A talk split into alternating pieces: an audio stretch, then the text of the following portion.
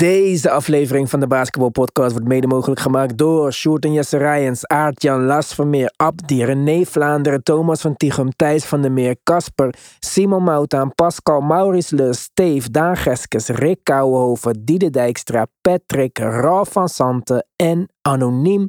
Speciale shout-out naar onze GOATs. Robert Huiltjes, Yannick Tjongajong, Wesley Lenting, Robert Lute, Taron en Yannick, Samet Kasic en Myron. We zijn op Apple Podcasts, we zijn op Spotify, we zijn op Google Podcasts, Amazon Music, overal. Maar de playoffs zijn in volle gang en als jij echt niks wilt missen, dan wil je natuurlijk ook onze Petje Af afleveringen luisteren. Dat kan als je naar de basketbalpodcast.nl gaat en kiest voor luister op Petje Af. Extra afleveringen, DBP Connect, Tim Talk, toegang tot de groupchat. Join the family, support the movement. Let's go.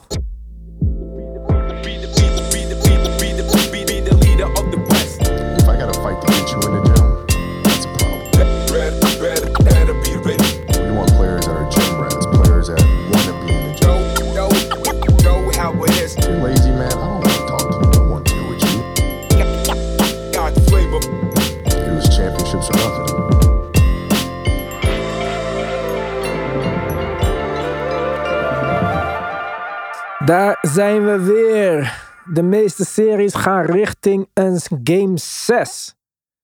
Het begint echt spannend te worden nu, Tim. We gaan richting de conference finals, maar we zijn er nog lang niet. En ik weet niet waar jij mee wilt beginnen, maar eh, ik kan niet wachten. Kan er maar één zijn, denk ik. Golden Oh. State. Ja. Warriors dwingen een Game 6 af. Door een, eh, nou ja, vond ik in ieder geval. Ik heb het net zitten terugkijken. eh, ja, toch wel overtuigende. Niet fantastische, maar wel overtuigende overwinning thuis op de Lakers. Ja, ik weet niet wat jij ervan vond. Maar eh, ik eh, vond het wel fijn om eh, Andrew Wiggins weer eens in actie te kunnen zien. Want die miste ik een beetje deze serie. En die kwam wel tot leven deze wedstrijd, vond ik. Wiggins was goed. Ja, lijkt alsof hij altijd wel extra gemotiveerd is als hij tegen LeBron speelt. Ik weet niet, al die 1 op 1 matchups, gisteren had hij er ook een paar. Lijkt hij het nog steeds LeBron kwalijk te nemen dat hij ooit getraind is voor Kevin Love. Eh, de wedstrijd was spannend, vond ik. ik. Ik vond zelfs dat het niet zo'n overduidelijke victory was. In het vierde kwart werd het nog te close voor comfort, vond ik. En voordat we het verder over die wedstrijd gaan hebben. AD. Ja, Kijk, als ik de Lakers was, zou ik van de zomer David Goggins opbellen. En hem vragen of hij drie maanden wil intrekken bij Anthony Davis. Om hem een beetje een cursus vermannen te geven. Als deze man zijn ijsje te snel eet, dan gaat hij eh, voor een CT-scan voor een brain freeze. Als hij wordt gebeten door een mug, dan begint hij direct een antibiotica-kuur. Ik vind street clothes niet eens meer toepasselijk. Ik weet niet hoe die shit heet die je in het ziekenhuis aan moet trekken, zo'n nachthemd. Maar ik vind dat dat zijn nieuwe bijnaam moet worden. Grant Williams werd van de week gehulksmuist trapt door Embiid op de grond. Draymond klapte met zijn achterhoofd op de grond. Randall werd geraakt door een elleboog met een snee en een tennisbalachtige bult onder zijn oog. Maar AD moet met de rolstoel naar de kleedkamer. Om dan ook vervolgens weer na het douchen uit het stadion te huppelen op eigen krachten. Medical staff van de Warriors stond klaar. Die wouden alles doen om hem te onderzoeken. Iedereen is bang toch? We denken deze man zijn hele hersenen zijn door elkaar gerammeld. Hij heeft gewoon een hersenschudding of iets. Ja. Maar nee. En ik snap het. Safety first, hè. Begrijp me niet verkeerd. Hersenschudding is heftig.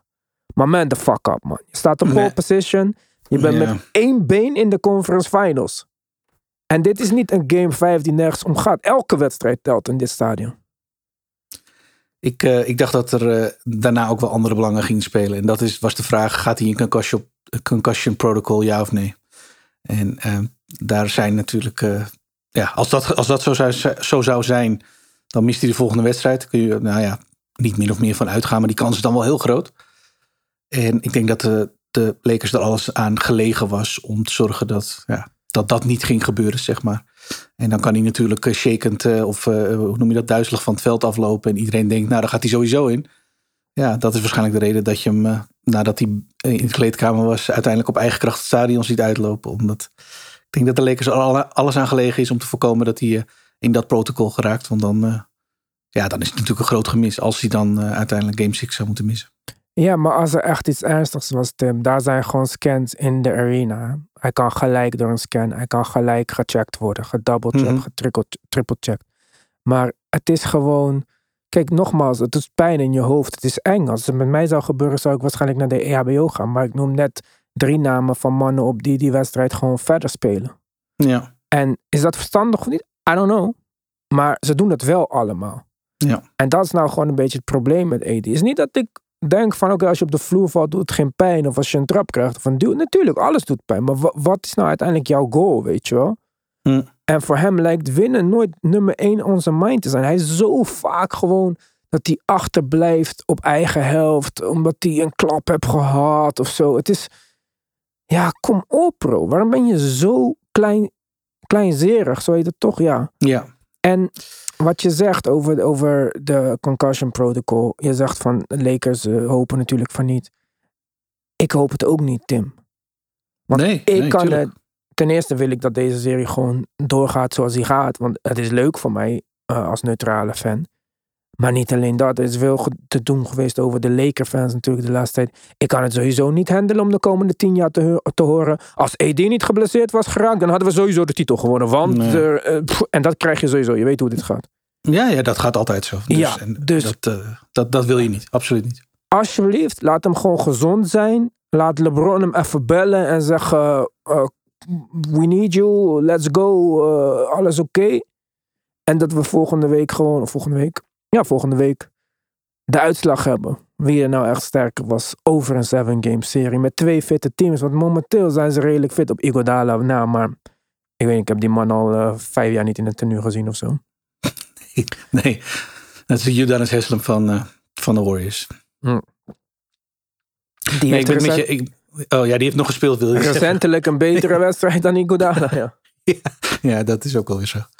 Nee, ik- eh, 100% met je eens. En eh, de berichten zijn er ook wel naar trouwens. Chris Haynes kwam eh, vlak voordat wij begonnen met opnemen met een bericht dat, dat de algemene verwachting is rondom AD en rondom de Lakers dat hij uiteindelijk wel gewoon kan gaan spelen in Game 6. Nou ja, goed. Laten we, zoals je al zei, hopen dat dat gewoon het geval is. Ja, ik hoop het ook echt. En wat die afgelopen wedstrijd betrof. Ja, ik denk dat wat je ziet, de tendens over deze hele serie. En eigenlijk over het hele jaar natuurlijk, is dat de Lakers meer free throws krijgen. Nou, in deze wedstrijd waren ze volgens mij aardig gelijk. Ja, klopt. Eh, dat is een belangrijk eh, verschil. En eh, de turnovers. Misschien hadden de Warriors er meer. Ik weet de statistics helemaal niet. Ik heb alleen de wedstrijd gekeken. Dus, maar ik zou me best kunnen voorstellen dat de Warriors zelfs nog meer turnovers hadden dan de Lakers. Maar wat ik me ook. eh, wat ik 14-14. Oké, nou hetzelfde. Maar als jij dan toch de statistiek voor je neus hebt. Ik denk dat de points of turnovers veel hoger waren voor de Warriors dan voor de Lakers. Ze waren gewoon super snel uit de startblokken, man. Eh, Of is het ook gelijk? points of turnovers tegelijk 2020. Oh. Nou, daar gaat mijn punt in de prullenbak. Het Nou, leek ik alsof denk- eh, de Warriors Ja. echt eh, veel meer gebruik maakten hiervan. Ik heb in de, in de het gedurende de wedstrijd graphics gezien waarin de Warriors inderdaad eh voor stonden. En ik denk dat er een fase kwam natuurlijk eh, tot aan, laten we zeggen, de daadwerkelijke slotfase. Voordat, voordat de Lakers, nou, laten we zeggen, de, de witte vlag een beetje hezen. Dat dat ook wel voor een deel, ja, viel mij ook wel op, moet ik zeggen. Dat dat ook wel in het voordeel was voor de, voor de Warriors. Op de juiste momenten pushen. En daar viel, daar viel ook wel wat te halen. Ja, zeker. Kijk, elke possession die de Warriors hadden dat we AD uit de paint kunnen halen, was in, eh, in principe een succesvolle possession. Geraakt of Ja. gemist shot. Dus dat zijn easy buckets in transition. Dat zijn eh, possessions waar je eh, de, verdedig, de man die AD verdedigt kan gebruiken als de screener in de pick-and-roll met Steph. Pick-and-roll waar de Warriors nooit fans van zijn geweest, maar die ze in deze serie meer gebruiken dan ooit tevoren. Ook in de afgelopen wedstrijd, denk ik. En ehm, ja, waar de Lakers heel goed zijn in defense, zijn ze wat minder als AD op de bank zit. En dus wat minder als hij uit de paint wordt getrokken. En in een wedstrijd dat Golden State ehm, oké drietjes raakt. Want volgens mij was Steph eh, niet goed en Clay al helemaal niet natuurlijk. Klopt. Maar, want volgens mij is het in de eerste kwart zeven of zo en in de rest van de wedstrijd. Ik weet niet eens precies. Ik, sorry, ik kijk geen statistieken even deze playoffs, omdat ik me gewoon wil focussen op wat ik zie in mijn eigen takes en niet eh beïnvloed wil worden. Maar ehm, ja, Lakers defense werkt eh, tot zover goed als, als ze dat een beetje zoveel mogelijk kunnen verbloemen, zeg maar. En in deze wedstrijd misten de Lakers gewoon die ene uitschieter. Kijk, LeBron en AD. Oh ja, met AD kan je, je kan tekeningen plaatsen en zeggen van hij is om de wedstrijd of een halve wedstrijd of in de eerste helft. Maar uh, relatief gezien spelen zij beide gewoon een oké series. Dus elke keer was het zo dat er iemand de uitschieter was. Of het nou Austin Reeves was, of uh, Rui in de eerste ronde, of uh, Dilo vorige wedstrijd volgens mij. Of wie het ook was, er was elke keer een uitschieter. Met die change-up in de line-up van de Warriors met Gary Payton, die gewoon Dilo eigenlijk uit het spel heeft gehaald. Ja, dan, dat was goed. Ja, dan, dan je kan niet elke rekenen op een nieuwe bankspeler die losgaat voor 17 punten in het vierde kwart nadat hij een half seizoen niet meer gespeeld heeft of zo. Dit, dit zijn een beetje toevalligheden en dan props naar de Lakers dat ze zoveel toevalligheden binnenboord hebben gehaald. Want ze hebben wel al die spelers natuurlijk binnengehaald. En ze zijn ook ready gebleven. Dat is een beetje de term wat je hoort de laatste tijd. En, maar ja, dit jaar, deze, dit, deze wedstrijd was er geen Lonnie Walker of Austin Reeves. Ja, Austin Reeves was goed, maar ik bedoel een onverwachte uitblinker, zeg maar. En ja, ik dan... vond Schroeder ook wel oké, maar inderdaad, de, de, de Ruiz, de Lonnie Walkers, de, misschien op een wilde avond een Malik Beasley nog als hij minuten zou krijgen. Die, die, eh, nee, dat gebeurde allemaal niet. Nee. Ja, want de Warriors zijn nog onder hun normale schotpercentage. Dus de Warriors spelen niet eens uitzonderlijk goed. En met de Warriors die niet uitzonderlijk goed speelt. En met de Lakers die eigenlijk beter dan ooit spelen. Op basis van wat ze dit seizoen hebben gedaan. Um, staat het ongeveer gelijk. En dat, zie je ook een beetje aan de series. Alleen de Lakers hadden elke keer de overhand. Omdat ze de joker in handen hadden, zeg maar. Ja, die was er niet deze wedstrijd. En misschien bij de Warriors omgekeerd had je een Draymond Green die deze wedstrijd compenseerde voor wat de Clays, de Jordan Pools en dergelijke niet hebben gebracht. Ja, en dan is het inderdaad denk ik zo dat, uh, dat je met, met Gary Payton en Draymond twee ja, belangrijke factoren die, uh, die waarschijnlijk in het verleden niet, waar je niet elke wedstrijd op kon rekenen. zeker de afgelopen, nou, laten we maar even de afgelopen weken noemen. En ja, dat waren wel in zoverre pluspunten. Eh, sommige spelers spelen op en af. De ene wedstrijd zijn ze het wel, de andere wedstrijd niet. En dan weet je dat het een beetje het soort gegeven is. Ik heb, krijg het gevoel dat als ik een Andrew Wiggins nu zie spelen zoals hij deed. En Gary Payton nu weer zijn minuten zie maken zoals hij doet. Met niet alleen goede defense, maar aan de andere kant ook. Uh, nou, niet alleen zijn punten, maar ik vond juist bijvoorbeeld ook die, uh, die, die offensive rebounds. Waar hij zich elke keer in mengde. Ook wel belangrijk. Ja, maar de dat Warriors moesten gisteravond dan. Ja, ze moesten veel, veel extra possessions daardoor. En um, ja, dat kan. Uh, dat, en dat hebben we bij bijvoorbeeld bij de Knicks in de vorige ronde ook vaak gezien. Dat, dat zorgt ervoor dat als je misschien geen goede uh, schietende avond hebt, je toch gewoon een wedstrijd uh, kunt winnen. Ja, geen goede schietende avond is wel wellicht wat uh, een, een understatement, denk ik. Kijk, um, Stef had dan nu een downwedstrijd van drie. Maar was voor de rest natuurlijk wel gewoon goed. Zeker. Als je kijkt wat Clay heeft gebracht deze serie. Die zei dat hij zo graag tegen de Lakers wou spelen. Nou, het is echt uh, schaamtelijk. Ik weet niet hoe deze man nog kan beginnen over uh, ook maar een contract op dezelfde basis als wat hij nu heeft.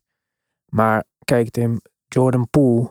Dat, dat is vind ik de ene die echt schaamteloos in de rond ja. momenteel. Zal ik even zeggen wat Jordan Poole van drie heeft gedaan deze serie? hij heeft in de eerste wedstrijd toevallig 6 uit 11 driepunters raak geschoten. Nou, fantastisch natuurlijk.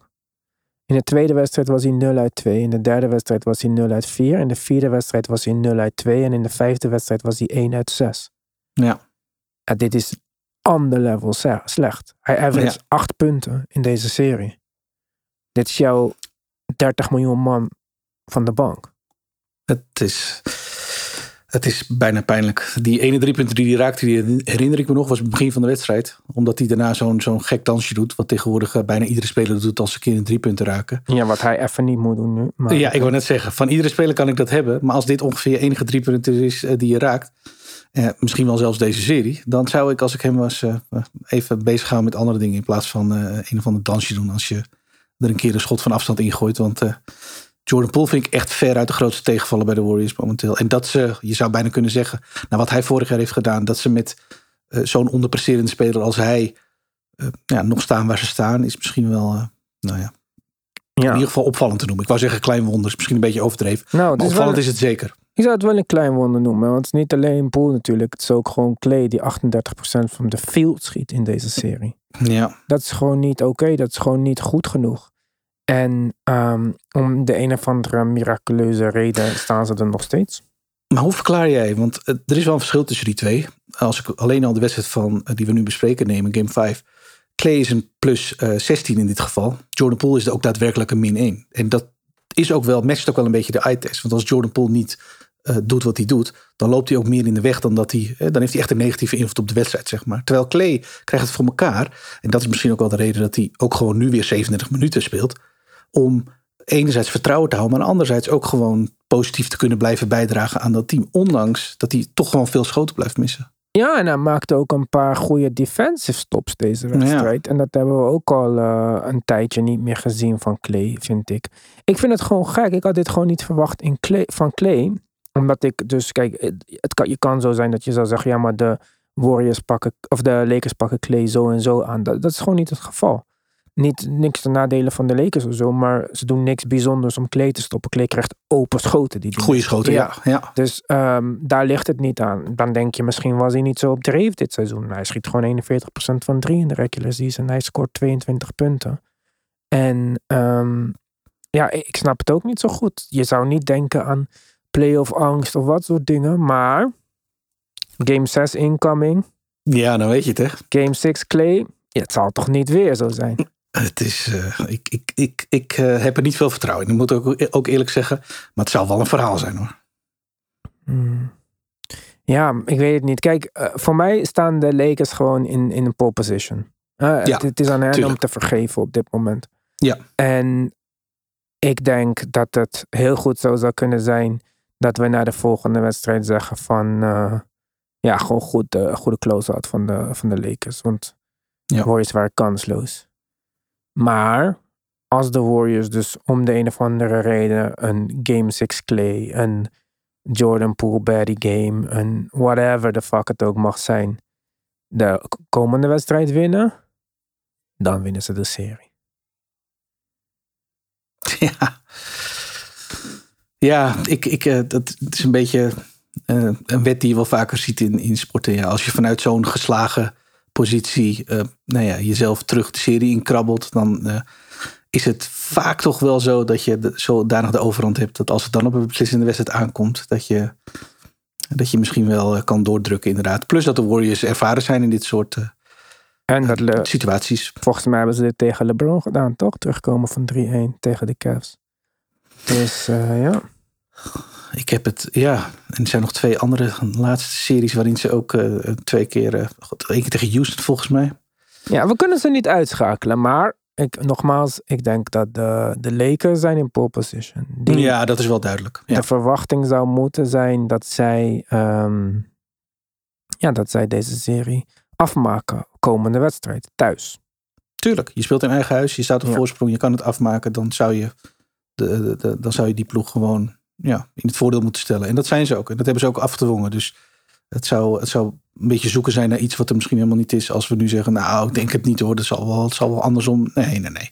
In alle redelijkheid, eh, het is aan de Lakers om dit eh, of af te maken of anders eh, misschien wel uit handen te geven. Maar zij staan, ja, zoals je zei, in pole position. Ja. Oké, nou.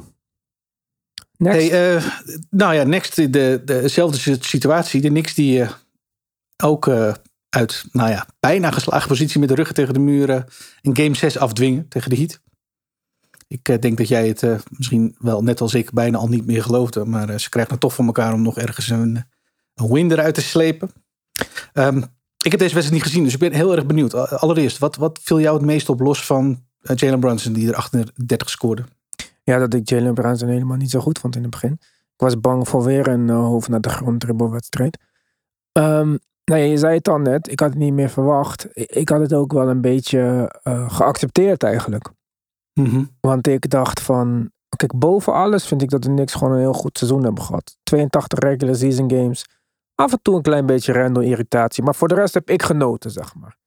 Eerste ronde winnen van Donovan Mitchell. Hè, dat was toch een beetje de grote rivaal met de hele voorgeschiedenis en zo. En op de manier hoe ze het deden, fantastisch.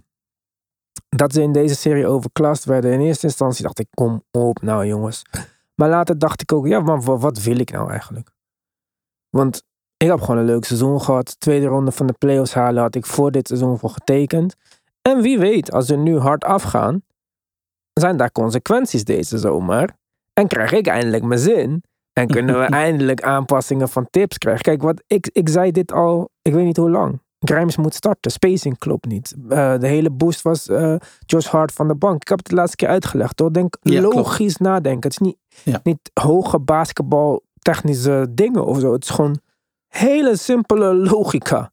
En voor de duidelijkheid, dat is nu gebeurd. Eh, Ja. Zowel hij als Jalen eh, Brunson speelden de hele wedstrijd. Ja, nou, daar is het punt waar ik zo op kom. Maar Ja. het, het feit dat het zo lang heeft geduurd en het verschil wat het heeft gemaakt, dan zie je ook van, oké tips, als je even verder kon kijken dan je eigen neus lang was en even verder kon kijken dan wie het hardste volgens jou eh, jouw verdediging uitvoert. En, want dat is het enige waar hij mee bezig is. Mis een verdedigende rotatie op de bank. Loop je zeven keer vast op rij aanvallend, niks aan de hand. Hij, hij hyperfocust op zijn enige ding waar hij van overtuigd is dat je daarmee de wedstrijden wint.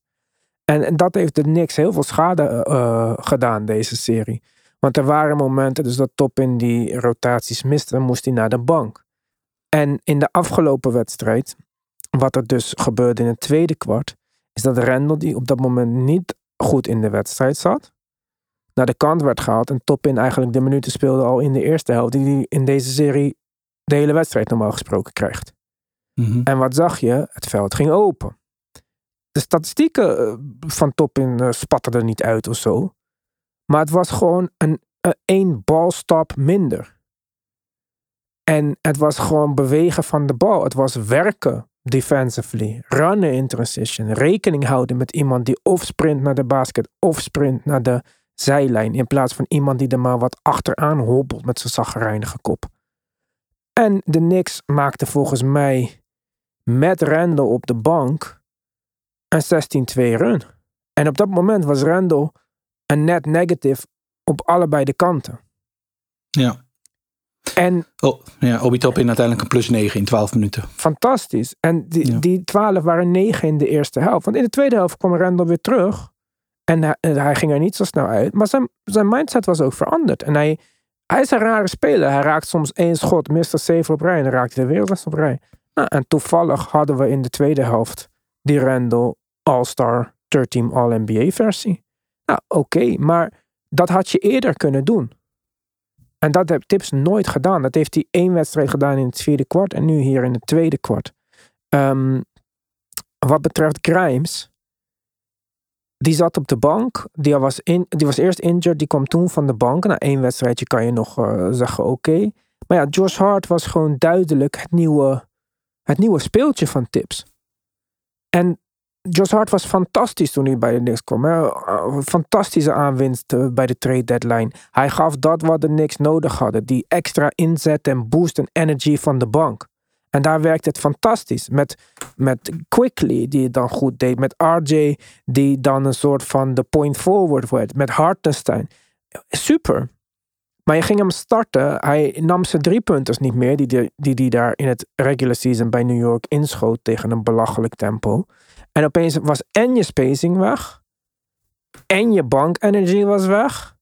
En wat je overhield was gewoon een offense die niet werkte en een bank niet. Alsof hij binnen één week was vergeten wat er wel werkte. En waarom ze uiteindelijk die ommezwaai hebben kunnen maken in het regular season. En dan is het echt weer à la tips. Twee wedstrijden geleden mocht de beste man 15 minuten spelen. En dan moet hij er 48 spelen. Want als hij dan eenmaal van zijn uh, gedachten verandert dan verandert hij ook hard van gedachten. Ja. En je zag het Quickly raakt, of uh, Quick, uh, Grimes raakte bijna geblesseerd. Met, ja. een, met een actie waar een duidelijke fout was, die alweer niet werd gefloten voor de duizendste keer.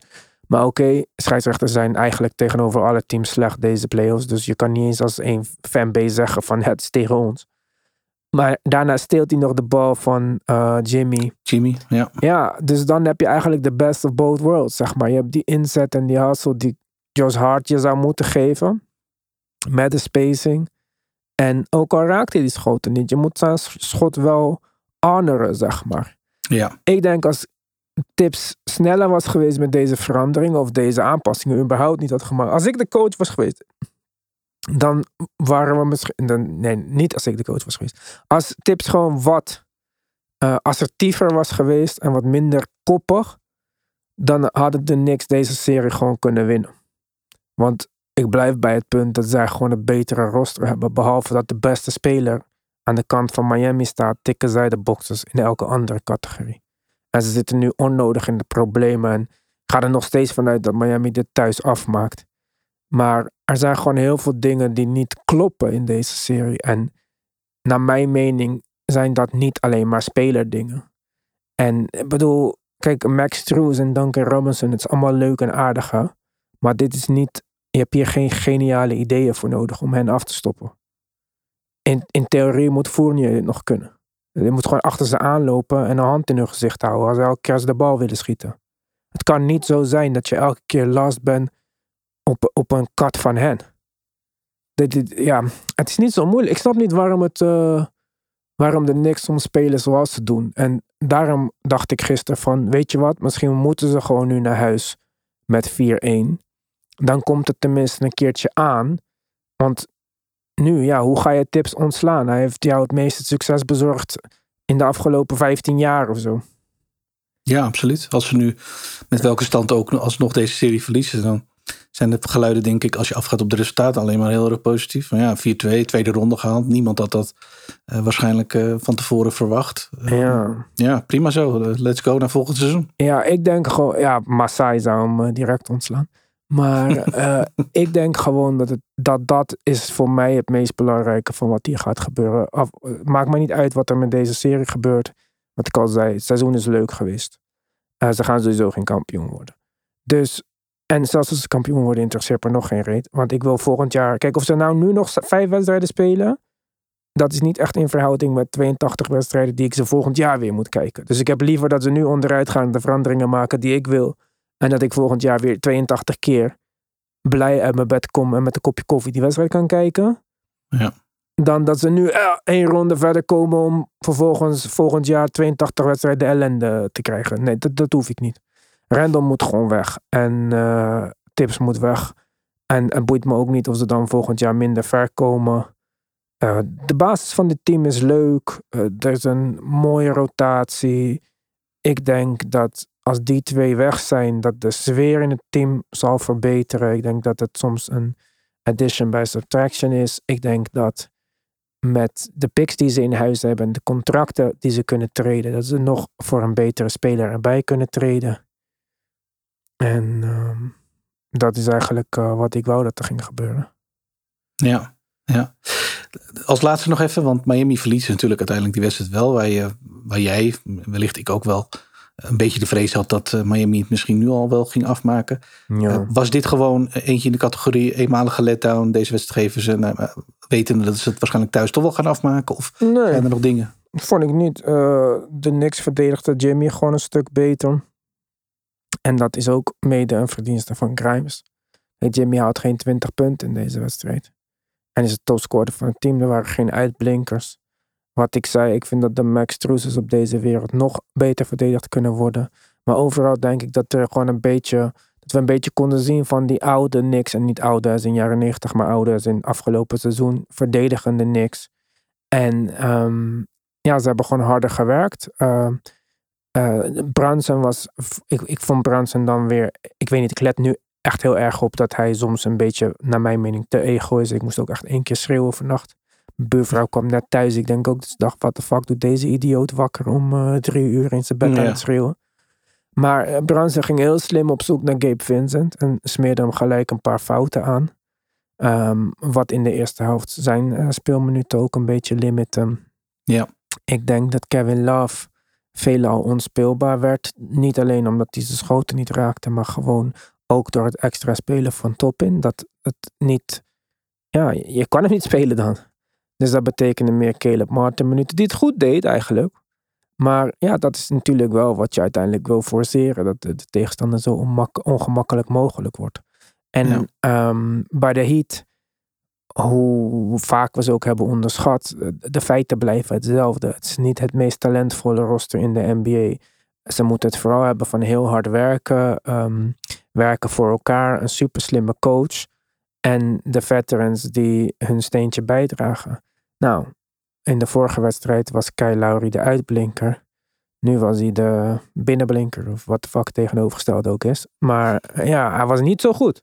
Nee, Vijf wel persoon- 30 minuten. Ja, en vijf persoonlijke fouten, veel free Mhm. throws eh, weggegeven, die er niks overigens belachelijk slecht schieten. Dus dat is normaal gesproken iets wat tegen hun werkt. Maar ehm, ja, hij, hij scoorde gewoon niet. Het waren Duncan Robinson en Max Truus die eigenlijk deze wedstrijd nog closer hielden dan dat hij misschien in werkelijkheid was. De Heat probeerde zelfs nog de hack op Robinson eh, Ja. in het vierde kwart. Maar die raakte ook eh, 50% van zijn vrijworpen. Wat misschien heel laag klinkt, maar eh, mooi meegenomen is voor Robinson. Ja, zeker. Ja, ik denk dat op vele vlakken. Ik denk dat eh, de Heat hebben alle stops eh, geprobeerd. Ik denk dat niemand wil verliezen en terug naar huis wil gaan. Want eh, de Heat, eh, de Knicks zijn ook niet per se een beter thuisteam of zo. Ik denk dat dit gewoon een wedstrijd was. Waarin dus de Heat, die ja, niet al te veel ruimte voor, ehm, ja, voor, foutjes hebben. Ehm, ja, outclassed zijn door de, de breedte van de Knicks, zeg maar. Ja.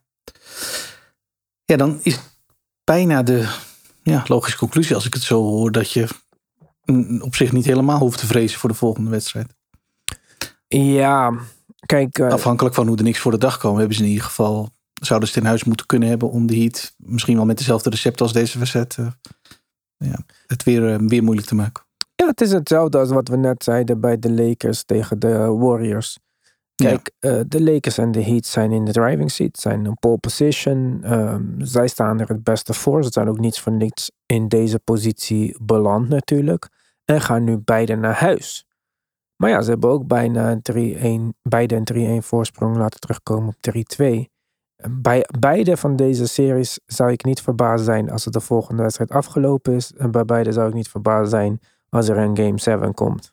Ja, is wel een beetje in de, in de sfeer van, eh, van deze hele playoffs inderdaad. Het kan Ja. wel. Het, het kan en het gaat echt alle kanten op. Alles. Zelfs, kijk, wij kunnen deze aflevering niet al te veel praten over Boston Philly. Omdat we die vanavond eh, gaan kijken. Dus voor de mensen thuis, die luisteren dan een beetje naar achterhaalde informatie. Ja. Maar eh, ja, daar is het natuurlijk ook eh hetzelfde situatie eigenlijk. Hè? Ja. Alleen misschien nog wel omgekeerd. Omdat het in, denk ik, gevallen van... Nou ja, tenminste, ik, ik denk dat theoretisch gezien de Knicks de favoriet hadden moeten zijn. Ik snap dat veel mensen zijn onderschat. En dat Miami natuurlijk een eh bizar playoff team is. Maar ook in de serie met de Golden State Warriors, waar voor de serie begon, toch de meeste mensen aan de kant van de Warriors. Bij Boston Philly. eh, daar Geskes wil wat respect aan his name. Wij dachten allemaal gewoon dat het een 4-0 sweep ging worden. Of als we niet dachten dat het 4-0 ging worden, eh, meer dan 4-2 had denk ik niemand ze gegeven. En die staan ook gewoon rustig even 3-2 voor. Met zelfs een zwaar onderpresterende Embiid. Zwaar onderpresterende. Ja, ik weet dat jij eh, dat allemaal mee vindt vallen, maar ik niet. 33 punten. Ja, nou en.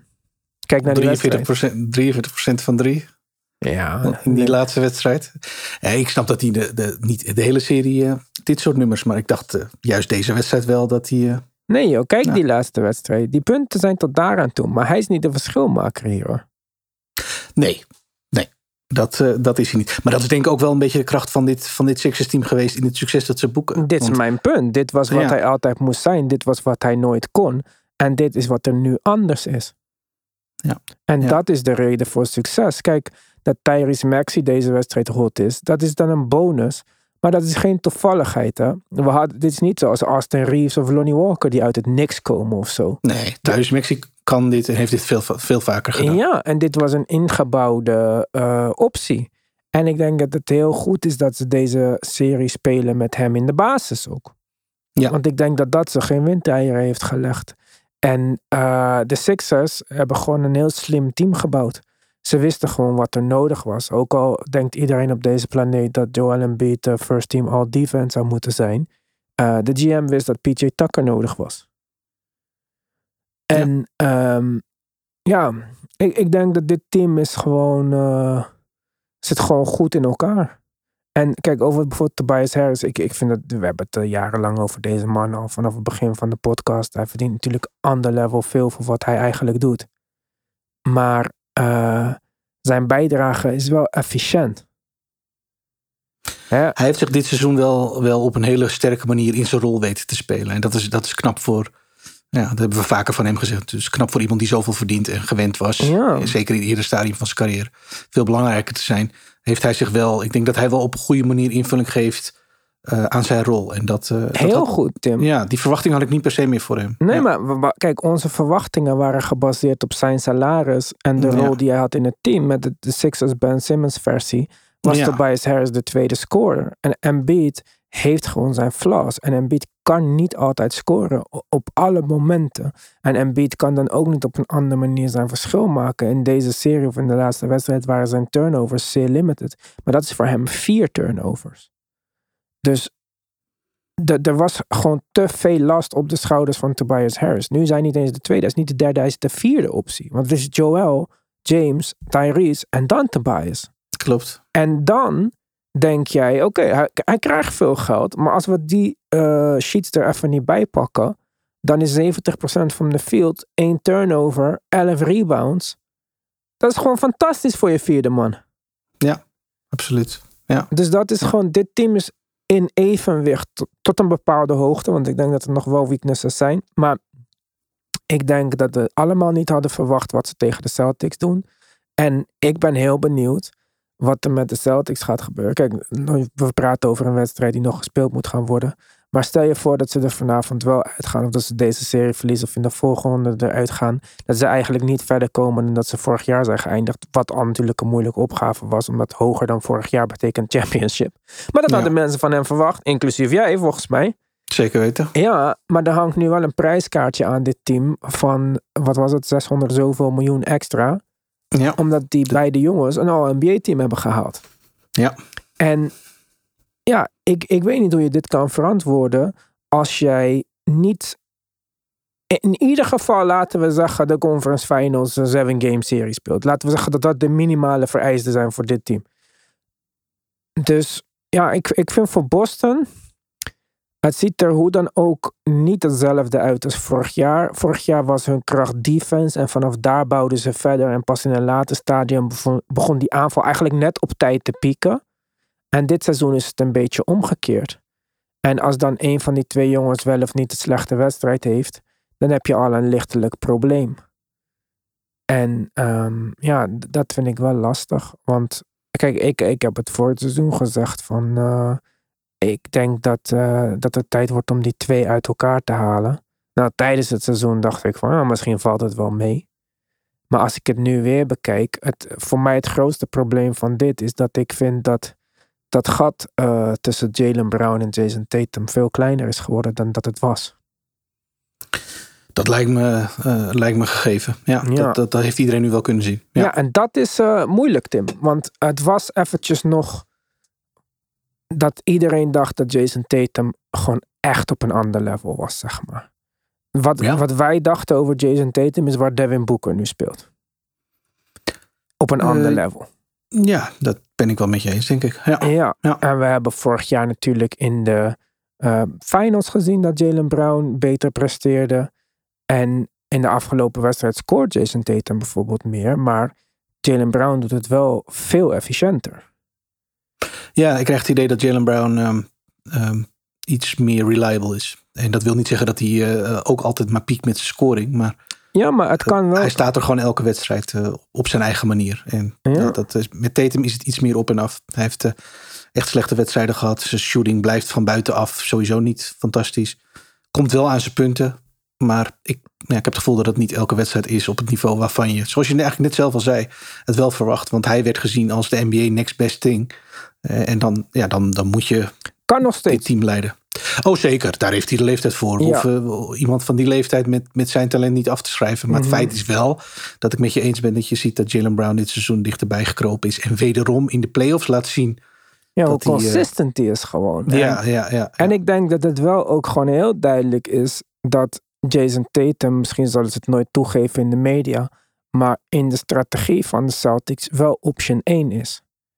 En als Zeker, ik, kijk, ja. nu krijgt Jalen Brown natuurlijk die hele smak met geld. En dan moeten de Celtics gaan beslissen. Dan- Ik denk dat ze het gaan doen, maar dan moeten de Celtics gaan beslissen of dat verstandig is om die twee zoveel te betalen. Maar als jij nu een team zou moeten beginnen. En je mocht kiezen uit Jalen Brown of Jason Tatum. En het ging over, de komende, over het komende seizoen. Dan denk ik dat die keuze wel steeds moeilijker is geworden. Want Jason Tatum kan niet eeuwig het talent blijven. Ook al denk ik dat nog steeds met de tijd, met meer ervaring. Hè, je zegt vaak hij heeft veel ervaring, maar het blijft gewoon een jonge guy. Hij is nog maar 25. Ehm, net 25. Denk ik dat hij nog steeds de hogere upside zou moeten hebben. Zeker. Alleen, ja, hij kost 300 zoveel. eh, die andere kost bijna 300 volgens mij. Ik, weet- ik, ja, ik, ik weet niet of dit, eh, dit gaat werken. Nee, of dit genoeg gaat- is, want je kan daarna ook niks meer doen, zeg maar. Dat is een beetje het Eh, probleem. eh, Exact. Dat is waar de NBA een beetje naartoe gaat. Dus je, je gaat nog steeds wel teams zien met twee sterren, zoals dit dan ook zou, zou gaan worden. Maar als je je daarop vastlegt, twee jongens die, die de Supermax gaan, gaan tekenen op hun, op hun eigen manier. ja, dat, dat limiteert je enorm in je, in, je- in je mogelijkheden om, om daar wat omheen te bouwen. Dus dan moet je wel zeker, heel zeker weten dat dit twee jongens zijn die, ja, die nog grotere hoogtes kunnen bereiken dan ze we- wellicht nu al doen. Want ja, dat je 3-2 achter staat tegen Philly. eh, is gewoon geen goed teken voor een team waarvan de verwachtingen veel hoger waren. Je zegt conference finals, tenminste, ja, eens dit, dit team, als je geweest bent waar zij geweest bent, zijn maar bezig met één ding, kampioen worden. En dus, ja, wat mij betreft, eh, alles wat ze daarvan niet bereiken. Kijk, finals, moet je maar zien hoe dat loopt. Maar dat is zeg maar het punt van waaruit je begint te vertellen eh, of dit seizoen een succes was, ja of nee. Nou, en nogmaals, de situatie waarin ze nu zijn, eh, bij de tijd dat dat, dat je dit kan, kunt luisteren, zul je weten hoe de rest van de serie verloopt. Of de- hoe de volgende wedstrijd is verlopen. Maar het feit dat je nu 3-2 achter staat tegen Philly. En we de wedstrijden hebben gezien. Ja, is gewoon geen. Ja, het is gewoon niet overtuigend vanuit de Celtics. Ja, denk ik ook. Maar ja, ik, wat, wat denk jij? Want kijk, nogmaals, eh, we, ze hebben het al gezien waarschijnlijk. Maar Ja, ik ga er toch vanuit dat die Celtics nog een wedstrijdje pakken. Wat denk jij? Ja ik, eh, ik, ik, ik ga er ook vanuit. Maar ik ben er al een paar keer eerder vanuit gegaan. En ik vind dat Philly eh, ja, eh, gewoon een hoop krediet verdient. Wat ze in ieder geval van mij niet hebben gehad. Omdat ik, ik zag het gewoon niet gebeuren. En zelfs na die game one, waarin Harden zo losging, denk je dan, nou, het zal wel één wedstrijd zijn. Dit kan Harden niet nog een keer. Philly, leuk, leuk gedaan. Ze hebben hun overwinning in de serie te pakken. Puntje bij paaltje is het nu 3-2. Als we dit opnemen. Ik weet het niet. Ehm, ik, ik ga er stiekem vanuit dat het Celtics eh aan hun stand verplicht zijn om deze, deze wel te pakken. Eh, maar ik eh, steek niet zomaar mijn handen meer in het vuur voor een, een ommekeer van deze serie nog. Dus, laatste voorspelling. Celtics pakken hem nog wel. Celtics pakken hem nog wel. Oké. Hey, ik noemde met al NBA, maar we zijn weer aan het einde van deze aflevering toegekomen. Dus wij gaan verder op Petje Af praten. Petjeaf.com slash de basketbalpodcast of de basketbalpodcast.nl en dan luister op Petje Af. En we hebben ook nog al defense teams. Volgens mij, jij wou me iets vragen. Ik ben benieuwd. Ik kan nooit bedenken wat jij van tevoren gaat vragen. dus eh, als je net zo benieuwd bent als mij, join ons dan op Petje Af. Wij zijn er dinsdag weer met Francisco. En in de tussentijd natuurlijk op Petje Af. Met Tim Talk, extra aflevering. Je weet hoe het gaat ondertussen. Eh, bedankt voor het luisteren. Tot de volgende keer.